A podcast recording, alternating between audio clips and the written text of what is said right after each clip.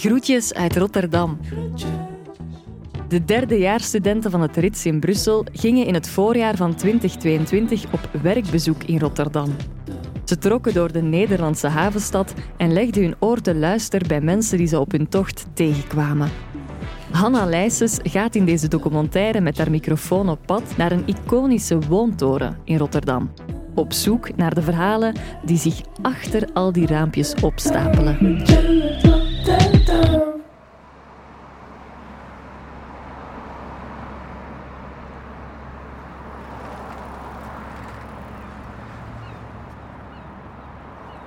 Wanneer je Rotterdam vanuit de lucht bekijkt, wordt de stad kordaat in twee gesplitst door de brede kronkelende Maas. Noord en Zuid worden verbonden door enkele iconische bruggen. Meeuwen schateren, de stad ligt aan je voeten en torenhoge gebouwen lachen je toe. Op de kop van Zuid, een klein schiereiland, pronkt een van de hoogste woontorens in Rotterdam. Hij heeft ademruimte wordt niet ingesloten door tientallen andere torens, maar steekt trots af tegen de hemel.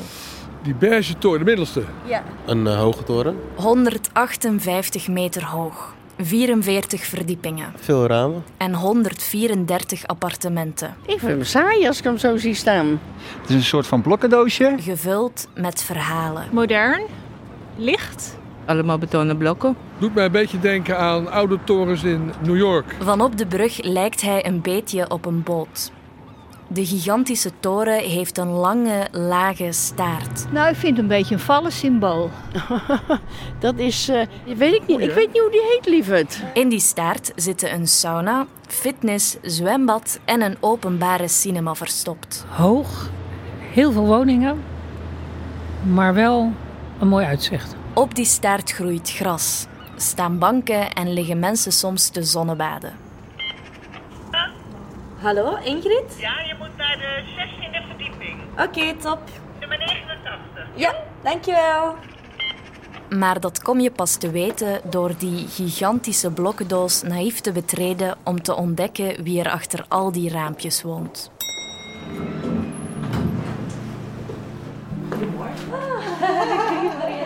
Welkom. Dank je, dank je. Kom naar binnen. Ik ben uh, Ingrid uh, van Maurik. Ik ben 61 jaar. Ik woon hier met uh, Cor van Maurik. Ik ben Hanna. Dag, ik ben Cor. Ik ben een echte Rotterdamse. Ik ben geboren in, in Rotterdam. Van mijn zesde tot mijn zestiende heb ik midden in het centrum gewoond ja, dat was voor mij goud. Dat gevoel inderdaad, ook als je nu naar buiten kijkt, het leven ligt voor me open. Ingrid en Cor vormen samen een warm verwelkomingscomité zoals enkel Nederlanders dat kunnen doen. Ingrid maakt thee, terwijl Cor mij uitleg geeft over het uitzicht. Zij roept dat ik even buiten moet gaan kijken. Hij vertelt mij dat ze zo'n balkon hier in de toren een loggia noemen en dat dat belachelijk is. Een dochter belt om te vertellen dat hun kleinzoon genezen is. Dat was mijn dochter. Ja. Ons kleinzoon was een beetje ziek. Waar gingen we eten? En dat vindt ze altijd fijn als ik dat hoor. Cor vertrekt naar zijn werk. Nou, succes dan. Ja, jij ook. Ingrid zet een tweede keer thee en brengt koekjes. Zelf gemaakt? Nee. Nee, nee, nee. Het zijn wel oma-koekjes, zeg maar. Mm. Mijn moeder had die vroeger al. Mm, super lekker. We hadden toen we hier, uh, toen we ons huis verkocht hadden, het idee: we gaan in de stad wonen. Dat je alles bij de hand hebt. Dat je het aan kan lopen, of met een rollator of met een scootmobiel. Lekker positief, maar je moet toch vooruit denken. Juist als je oud bent, kan je hier zwemmen. Je kan naar theater, wat, wat, wat hier vijf minuten vandaan is. Juist als je oud bent, kan je hier nog, nog uh, sporten. Oké. Okay. Ja? Prima. Ik denk dat ik eigenlijk nog nooit op zo'n fiets heb gezeten. Heel simpel. Ik doe gewoon zelf de quickstart. Dat is gewoon heel relaxed. Oké, okay, leuk. Ik ben van de heel relaxed. Ingrid haat sporten, maar sleurt zichzelf wekelijks naar de fitness voor haar zwakke knie. Ik, ik doe haast niks hoor, dus verwacht van mij niks. Fietsen doet ze misschien op het laagste tempo, maar babbelen kan ze als een sneltrein. We hebben het over personal trainers. Slavernij en het kost geld. dus dat doen we niet. Haar twee kleinzonen. En zeiden tegen ons, oma en opa. haar man Ja, toen moesten mijn man en ik natuurlijk verschrikkelijk lachen. en het uitzicht. En, eh, maar mijn man en ik, of we nou wakker worden, of we gaan naar bed, of eh, s s'nachts ga ik er nog even uit. Ik blijf me elke dag verwonderen. Ja. Het is voor mij nog niet gewoon en voor hem ook niet. En ik zei ook, ik denk als we 80 zijn, dat het nog niet gewoon is. Ja. Je bent niet alleen. Als je naar buiten kijkt en je wordt wakker, al is het vier uur s'nachts, je bent niet alleen, want er gebeurt altijd wat. En dat is verbazingwekkend en dat hebben we nog steeds. Het is een, een dorp. Dit is echt een dorp. En, en dat voel je ook wel in, deze, in, in dit gebouw. Iedereen zegt elkaar gedag, eh, ongeacht wie, wat, waar. Dus dat voelt wel goed. Je hebt een paar oudere mensen en een, eh, een eh, halverwege dertigerstel. Dan kom ik vaak een, eh, een man tegen met zo'n klein kindje. Bijzondere mensen. En toen bleek mijn man haar man tegengekomen zijn in het zwembad. Ja, een Chinese mevrouw, Japans. Ik vind het wat lastig om te zien. En daar kom je dan weer sneller achter verhalen. Ik zou niet weten op welke verdieping ze wonen. Ik zou niet weten hoe ze heten. Die kwam dus eigenlijk uit Amerika. We geven natuurlijk ook bijnamen, mijn man en ik. Maak ik geen praatje, maar ik zei wel een praatje. Vraag het niet. Ik luister, ik observeer. Een paar oudere mensen. Een mevrouw, eh, wie, wat, waar. Ik observeer. Dertigerstel. Haar man, mijn man. Een mevrouw, eh ontzettend bewondering voor haar. Dertigerstel. Ja, vind ik wel frappant. Oudere mevrouw. Sint Bernardshol. Dat denk ik, zou die een vrouw hebben of zo. Conciërges. Eh, dan ga je weer die lift uit. En dan ga je weer, want tuurlijk kan ik zeggen, kom een kopje koffie drinken of doe dit. Maar ik heb me voorgenomen om dat nog iets minder te doen hier. Waarom weet ik niet, maar ik vind dit gewoon wel even lekker. Waarom weet Ingrid eigenlijk wel? Ze omschrijft zichzelf als een zonnekind, maar voegt daar ook aan toe dat de rode draad doorheen haar leven zorgen voor anderen is. Ze stopte met werken toen ze kinderen kreeg en verzorgde nadien haar zieke mama, papa en beste vriendin. Daartussen en daarna sprong ze van de ene vrijwilligersjob in de andere. Ze beloofde aan Cor om in de toren, dit opeengestapelde dorp, iets zelfzuchtiger te zijn. Mijn kleinste zegt wel eens, ja oma, u werkt niet hè? Vind ik wel eens lastig. Ik werk keihard, alleen je krijgt er niet voor betaald en dat is het verschil natuurlijk. Ik ben wel weer aan het kijken, want ik vind wel dat, ik, dat je als mens ook je tijd nog wel weer eh, goed moet besteden. Maar nu nog heel even, heel even niet. Zorgen voor zichzelf is pannenkoeken bakken, dineren aan het grote raam of naar de film op de benedenverdieping van haar eigen toren gaan. Maar ik ga ook heel graag alleen naar de bioscoop. Dat moment even telefoon uit, even niet bereikbaar, daar kan ik wel van genieten. Hallo, geen probleem, doe maar, doe maar. Ik beland in de lift met een kleine, druk telefonerende vrouw. Echt, hallo? Wauw, zo, de knetter, wat fijn. Ja? Nou nee, nee, vertel maar niet aan het team. Ik kom zo wel even naar de zaak. Want we, we moeten wel even taart hebben of zo, toch? Oh, kijken. Geweldig. Ja, tot zo. Hoi. Hoi. Moet je nu iets bouwen of heb je een prijs gewonnen of, of hoe, hoe Ja, nu dat? ga ik een museum in, eh, in Utrecht bouwen. ja. Ja, Miranda. Miranda, ehm, kan je nu op dit moment bureau uitrennen en taart gaan kopen? en het moet geheim blijven even. Ik kom er zelf ook aan. En het is voor het bureau, dus kijk maar hoeveel mensen er zijn. En eh, ja. Oké, dankjewel. Hoi. Tussen haar telefoontje en de taart op kantoor nodigt ze mij uit in haar appartement. Mijn naam is Dickie Scipio. Ehm, ik ben architect van beroep. Ik heb eh, twee kinderen. Op een gegeven moment was ik op zoek naar een nieuw huis. En eh, ik dacht, voor de kinderen ga ik in huis wonen, in een goede wijk, met een tuin en eh, vlakbij een park. En eh, toen zei mijn zoon, dat was de oudste... Mam, we gaan toch niet in die oude troep wonen? Jij bent toch architect? En toen dacht ik van, hij heeft gelijk. nou, deze toren, dat weet jij misschien niet... maar dat is, die is gebouwd door eh, Alvaro Sisa. En dat is een Pritzker-prijswinnaar. Dat is dus zeg maar ja, de meest prestigieuze prijs die je kan winnen als een architect in de wereld...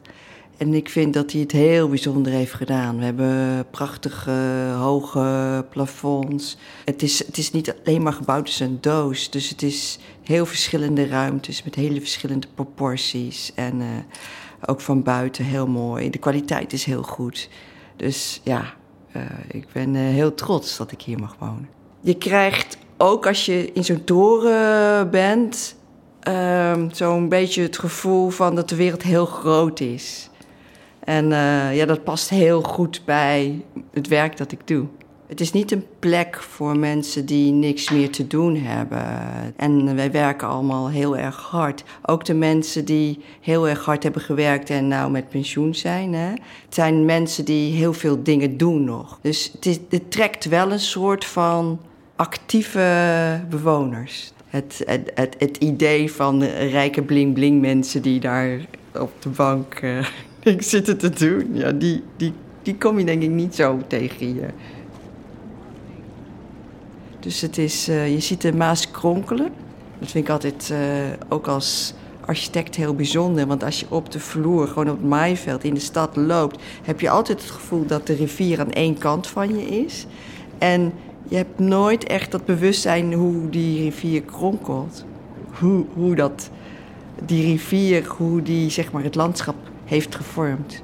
Ja, wat ook heel leuk is, ze hebben hier watertaxis. En die geven het geluid alsof dat je in Venetië bent. Ik weet niet of je, je dat, dat kent, dat herkent. In Venetië heb je zo dat... dat prachtige geluid. En dat heb je met die watertaxis hier ook. En dan kan je zo overal heel snel heen. Ja, ja ik vind dat fantastisch. En mijn vader had het altijd over water. Die wilde, dat was zijn grootste droom, aan het water wonen. Dus ik ben een soort van opgegroeid met waar ik ook heen ging, ging ik zoeken naar water.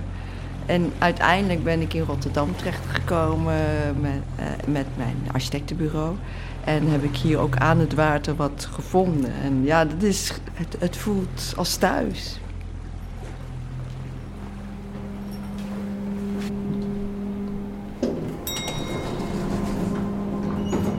Elke keer ik door de witmarmeren gangen van deze toren wandel, voel ook ik me iets meer thuis. Het lijkt alsof ze warmer worden. Net iets minder angstaanjagend blinken. Hey! Dat is toevallig. Is goed gegaan? Ja, ja. Ik begin gezichten te herkennen. Wen aan de druk op mijn oren in de lift en verander mijn vriendelijke knik in een... Fijne dag. Doei. Hallo. Hoi.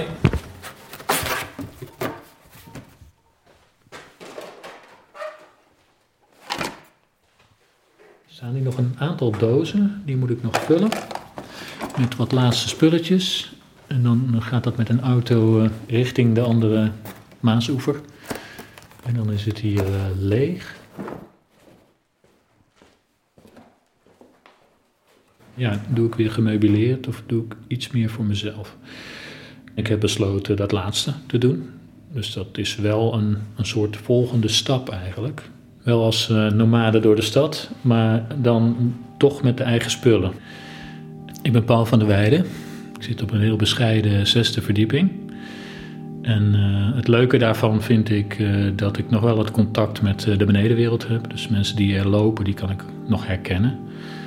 En de zuidwesthoek betekent dat ik de zon op zie komen en dat ik hem helemaal weer naar beneden zie gaan. En wat ik dan zie is op de mooiste momenten tussen twee hoge gebouwen in, die van de, de veiligheidsregio en het havenbedrijf, en een andere wolkenkrabber. Dan zie ik tussen liggen uh, Hotel New York. Als je van daaraf hier naartoe kijkt, wat ik ook met enige regelmaat heb gedaan in de zomer. Lekker een kopje koffie drinken daar. Gewoon naar mijn eigen huis staren, naar de contouren van de stad. Ja, ik, daar kan ik me echt aan laven. Dat, uh, dat, dat geeft me gewoon energie. Ik had ook altijd wel een drang om, uh, om in de stad te wonen. En uh, dat heb ik op een zeer vreemde manier verwezenlijkt. Maar ik heb geen spijt van de beslissingen die ik heb genomen. Maar dat betekent niet dat ik er niet veel verdriet van heb gehad. Ik leef uh, gescheiden van mijn vrouw. Uh, en uh, we gaan de scheiding net beginnen. En ik heb haar verlaten voor een vriendin die ik, ja, die heb ik geholpen bij een tragisch, hele tragisch en vervelende privé gedoe. Ik ken haar al tien jaar. En, uh, en ik heb daar bijstand verricht. Ik ben verliefd op haar geworden. Eigenlijk zo simpel. En ik heb er ook aan toegegeven. Iets minder simpel, maar dan toch. nou, het werd een grote verwarrende toestand. Dus toen heb ik besloten, en nu moet ik iets gaan huren. Om gewoon een vaste uh, plek onder mijn voeten te hebben. En dat is, dat is dit huis geworden. Uh, ik woonde hier drie maanden en toen heb ik het uh, met haar ook uitgemaakt. Ja, zo zal ik ook voor een deel wel terug blijven kijken op de periode dat ik hier gewoond heb. en van de andere kant is er een heleboel ook, ook gecompenseerd door het feit dat ik hier woonde. Dus het, woongenot, klinkt misschien heel raar, maar het woongenot verzachtte ook wel uh, de pijn en het uh, verdriet. Ik heb deze periode benut om even tot rust te komen en te bepalen hoe ik uh, verder wil. Mijn leven gaat door, het leven van mijn vrouw en straks ex-vrouw gaat ook door en dat doet ze ook goed. Ik heb natuurlijk mijn momenten wel die, die iets minder lekker zijn. Ik heb mijn verhuisdozen heel snel uitgepakt om gelijk een goede sfeer erin te hebben. En ik heb wat uh, leuke meubels op de kop getikt en een tafel gekregen. En, uh, ja, het staat allemaal goed. Als ik binnenkom, dan is het ook niet een soort ellendig en zielig gedoe, maar het is gelijk een huis waar je in kunt wonen. Dus dat, uh, dat is fijn. In deze toren kan je een appartement huren vanaf 1735 euro. Om een van de woningen te kopen heb je tussen de 218 en 556.000 euro nodig. Dat is veel. En dat weten de bewoners ook. Ze noemen zichzelf allemaal bevoorrecht wanneer ik voorzichtig naar het financieel verhaal vraag. Maar voegen daar ook vaak beschaamd aan toe dat ze er wel echt heel hard voor werken. Paul bijvoorbeeld leefde de voorbije jaren een beetje boven zijn stand. Hij liet dingen vallen om zijn klein, veilig paleis te kunnen betalen. Want je krijgt er ook best veel voor terug. Het vakantiegevoel als je hier woont. Vakantiegevoel? Vakantiegevoel. Ons huis. Vakantiegevoel, hè? 350.000, 380. Trots. Vakantiegevoel. Vakantiegevoel. 380. Trots. Trots. Trots. Afgeschermd van de wereld. Vakantie. Anonimiteit. Vakantie. Vakantiegevoel. Vakantie. 350.000. Trots. Trots. Trots. Trots. Trots. Trots. Trots. Ons huis. Heel mijn leven dat ik in buitenwijk heb gewoond van, van steden en dorpen. Daar heb ik uh, nooit zoveel van de natuur genoten als eigenlijk midden in de stad op uh, 34 hoog. Ik heb hier zelfs um, een keer meegemaakt dat je niet één regenboog zag, maar wel drie regenbogen kon tellen. Dat zijn natuurlijk ja, bijzondere dingen om te zien, die je niet realiseert wanneer je op de grond woont, om maar zo te zeggen. Of misschien als je in een hele mooie natuuromgeving woont, dan weer wel. Nou, mijn naam is uh, Pauline. Ik woon uh, inmiddels zeven jaar in deze toren samen met uh, mijn man. We hebben een hondje ook sinds een jaar. En wat ons aansprak in deze woontoren is um, de locatie, het uitzicht. we konden ook relatief hoog wonen. We wonen op de 34ste verdieping. En wat ik mij niet van tevoren gerealiseerd had voordat ik hier ook ging wonen, is um, de verandering in de lucht. Vroeger, toen ik altijd op de fiets zat op weg naar school, dacht ik altijd: ik fiets altijd door de regen. Maar door hier te wonen, uh, realiseer je ook dat het feitelijk zelden voorkomt dat het een hele dag regent. Het zijn altijd buien die komen en gaan. En dat is heel erg mooi om te zien. En het wolkendek ook. Het wordt donker. En uh, dan kan je bijvoorbeeld zien dat het daar al regent. En dan weet je, oké, het gaat hier ook komen. Het gaat deze kant op komen. En dan komt het dichterbij dat zelfs de gebouwen in principe recht voor je al gewoon in de wolken zitten of verdwijnen. Zelfs een mindere dag is dan nog valt er altijd wel iets te zien. Want door de dag heen ontwikkelt de lucht zich continu. Toby, zit, poot. Goed zo, jongen. Kijk. En Toby kan ook. Toby, box. Goed. Dan doet hij eigenlijk zijn hand erop. en eigenlijk sinds we het hondje hebben ook, herkennen we eigenlijk alle huiseigenaren met een hond. Want die kom je vaak buiten tegen. Rond dezelfde tijdstippen ga je je hond uitlaten. Zit heel goed.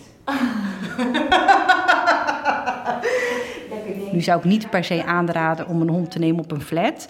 Aan de andere kant, juist doordat we die hond hebben en we hem voldoende beweging willen geven, gaan we juist extra veel naar buiten. Zodat hij echt wel aan zijn uh, looptijd komt en lekker in de hondenpark kan spelen met andere honden. Je ziet dat hij slim genoeg is om het uh, tevoorschijn te houden. Een mens kan lachen. Aanstekelijk bulderlachen in Pauline haar geval. Een hond kan enkel kwispelen. En dat doet Toby uitbundig elke keer hij erin slaagt een andere schat uit de kast naast ons te vissen. In diezelfde kast trekt een gigantische boot mijn aandacht. Hij is langer dan mijn twee uitgestrekte armen en bestaat uit honderden kleine Lego-blokjes. Mijn man houdt van Lego, dat zie je wel. maar dat is zijn hobby. Niet mijn hobby. Nee, dat is de Titanic, ja. Dus, uh, dat is een film die wij samen in de bioscoop hebben gezien. Het is volgens mij ook de, de eerste film toen we samen naartoe gingen, toen we echt een setje waren. Ik weet nog, dat was goed. We hadden afgesproken, we hadden toen gegeten wat in de stad. En we zaten op een bankje en toen zegt hij, ja, eigenlijk uh, moet ik je wat vertellen. En uh, ik was natuurlijk op dat moment stik zenuwachtig. Dus toen hij inderdaad ook zei van, nou, dat hij me leuk vond, zei ik, ik jou ook! Zodat hij überhaupt zijn zin af kon maken. Fijne dag. Ja, hetzelfde. Aha. Goedemorgen. Had je de flat überhaupt gezien al? Nee, nee. als je wil, wil ik wel nog even meewandelen. Ja, In dit appartement wonen Lena en Jan Willem. Twee verliefde architecten op pensioen. Maar dat passie en talent niet stoppen op je oude dag is hier onmiddellijk duidelijk. Mijn binnenkomst verandert in een spontane maar uitgebreide rondleiding waarbij we botsen op een blauw-geel-rode stoel die ik herken uit mijn lessen kunstgeschiedenis. Uh, Rietveldstoel? Ja, dat is de Rietveldstoel. Uh, ja, die had ik al heel lang in Den Haag ook. Die zit voor geen meter, maar hij is heel leuk om te zien. Dus die hebben we maar meteen als eerste kennismaking daar gezet. Ik heb hem gekregen van mijn ex. En die wist dat ik die stoel heel graag wilde hebben. En toen wij uit elkaar gingen, was hij zo lief om die stoel voor mij te kopen. Die gang is geen gangetje, dat is echt een bredere ruimte. En Jan Willem bedacht, dan maken we daar de bibliotheek. En dat ziet er heel leuk uit nu. Nee, maar jullie hebben veel boeken. We hadden allebei veel boeken. We hebben allebei wel de helft weggedaan. De helft weggedaan? Ja. En verder vonden wij de plattegrond erg goed, omdat die gang blijft in de binnenkant van, van het complex. En de, de ruimtes daaromheen, dat zit echt heel mooi aan de, aan de raamkant. Hebben dus deze woonkamer, dan een werkkamer en een slaapkamer. Allemaal met dit uitzicht. Eerst schrok ik daarvan. Al die fabrieken aan de overkant. Ik dacht, nee. Maar ik vind het steeds leuker. Het is heel stoer. Het is niet lieflijk of zo. Of, of geen groen of, of bloemetjes of, of, weet ik wat. De Rijnhaven waar we hier op kijken, die wordt voor een deel gedempt, voor een klein deel. En daar komen nog meer gebouwen aan met een strand. Uh, er komen drijvende parken. Er is een klein stukje, kan je uit het raam al zien, in, in het water. Dus er gebeurt van alles en uh, ik kan er gewoon uit mijn raam eigenlijk aan naar kijken wat er gebeurt. Nou ja, ik, uh, ik ben natuurlijk ja, een soort chauvinistische Rotterdammer geworden, omdat ik stedenbouwkundige was van de binnenstad, vooral van Rotterdam. Een van mijn eerste projecten was de Oude Haven in Rotterdam met de kubuswoningen. Dus ja, ik, uh, ik ben eigenlijk altijd met die binnenstad bezig en ik zit er nu middenin. En ik ben in 1970 als architect gaan werken op het architectenbureau hier in de stad. En Lena was daar al, die was interieurarchitect. Het was een groot bureau met 150 uh, mensen.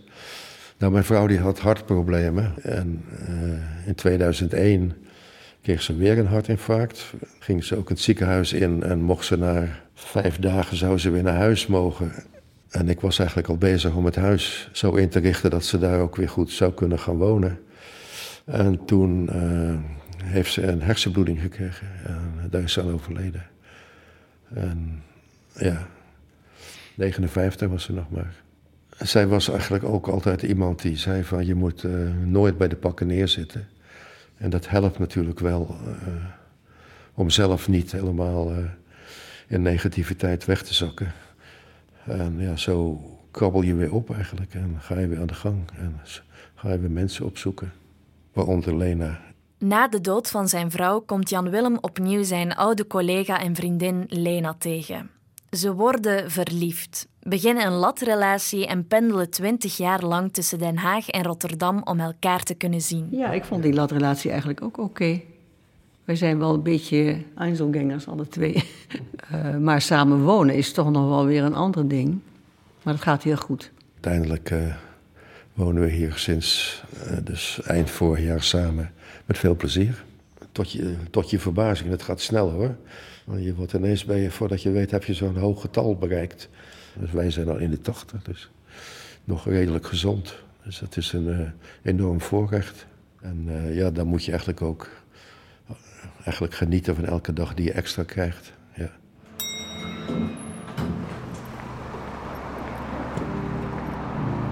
Goed, okay. dankjewel. Doei doei. Dag. Ja, jij dankjewel. Ja, jij ook. Dag. Dag. Je luisterde naar Een Toren, de derde aflevering van Groetjes uit Rotterdam. Een samenwerking tussen het Rits en het Vlaams-Nederlands Huis De Buren. In aflevering 4 gaat Cato de Lange naar de Wilhelmina-kade, waar vanaf 1873 tot ver in de 20e eeuw duizenden mensen op de boot stapten naar het beloofde land Amerika. Cato vraagt aan de bezoekers van deze plek wat hun paradijs is. Te beluisteren in je favoriete podcast-app en op deburen.eu.